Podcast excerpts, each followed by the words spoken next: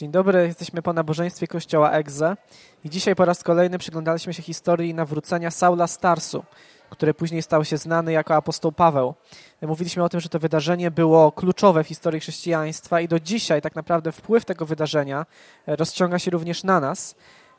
I z tego powodu pojawiają się e, pytania o wiarygodność tego przeżycia Pawła.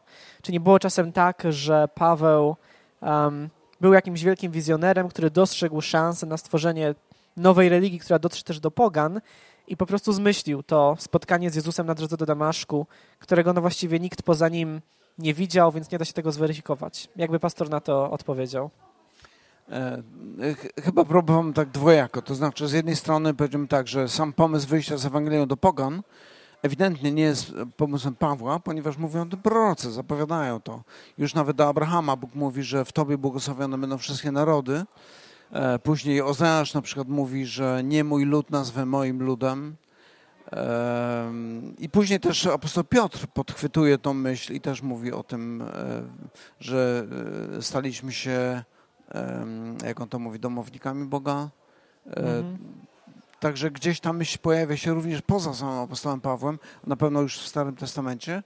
Natomiast jeśli idzie o to doświadczenie, to myślę, że trudno byłoby je zmyślić. To znaczy, ta przemiana, która nas, zaszła w nim, była tak głęboka, że no wszystkie próby, o których ja gdzieś tam czytałem, jakieś takie próby wyjaśnienia tego w taki no, naturalistyczny sposób, że to było jakieś jego albo wizja, albo kryzys wewnętrzny, to jakby one są niespójne, nie? a ta przemiana była tak daleko idąca i trwała do końca życia, że wydaje się, że on znaczy ja wierzę w to, że on naprawdę spotkał Jezusa i to ta przemiana, ona wynikała z rzeczywistego spotkania prawdziwego, zmartwychwstałego Jezusa Chrystusa.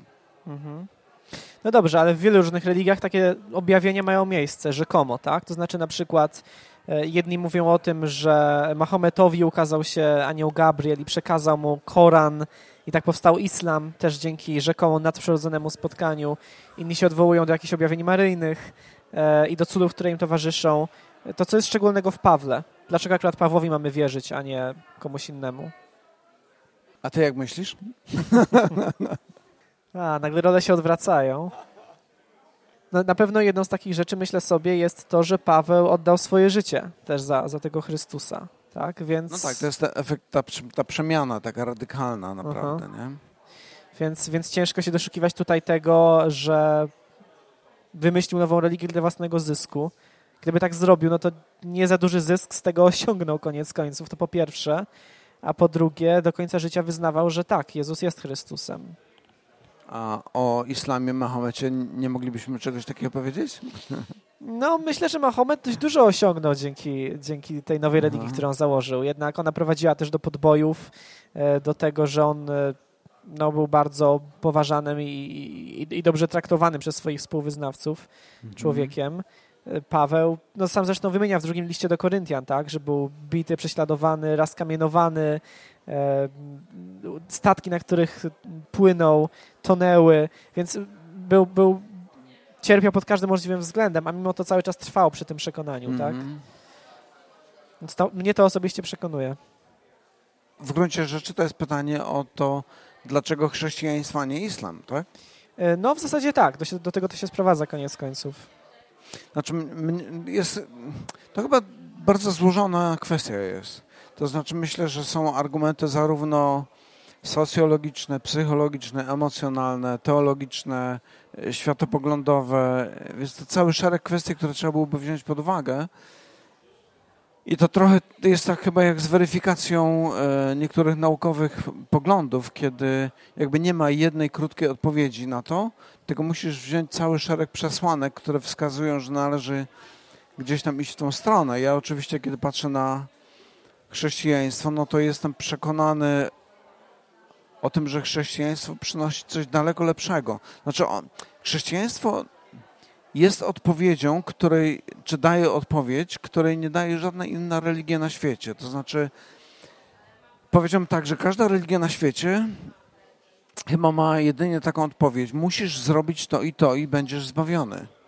Natomiast w chrześcijaństwie mamy coś, co jest No właśnie tak, w tym fragmencie, który czytaliśmy, czego oko nie widziało, ucho nie słyszało, co do serca ludzkiego nie wstąpiło, w sensie takim, że sam Bóg wstępuje do człowieka, ponieważ widzi, że człowiek nie jest w stanie tego uczynić, nie jest w stanie tego osiągnąć i przynosi mu przebaczenie jego grzechu.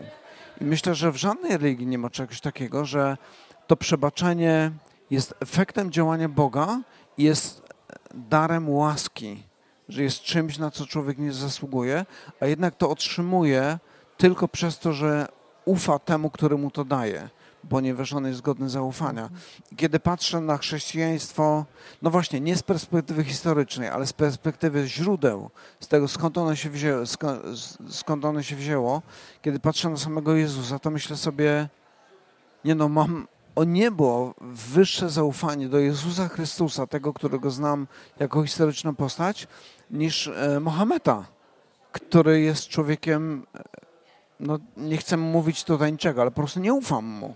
Nie? Ufam Chrystusowi, widząc jak On żyje. I to są takie rzeczy, które przekonują mnie również co do treści, którą Pan Jezus przynosi. Nie? Mhm.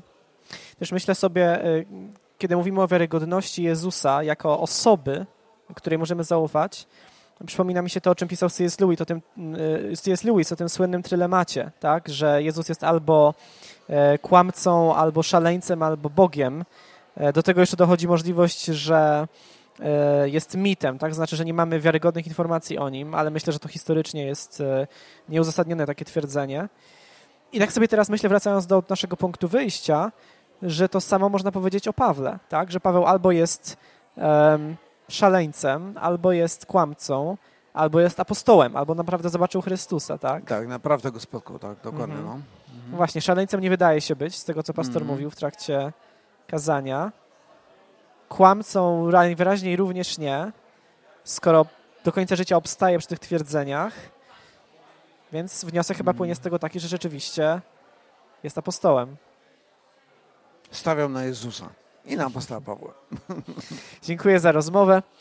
E, dziękujemy za to, że oglądaliście tę rozmowę i po więcej tego rodzaju materiałów, e, kazań, rozmów i jeszcze, jeszcze więcej różnych rzeczy zapraszamy na nasz kanał, a szczególnie e, tutaj na miejsce do Kościoła Egze w każdą niedzielę.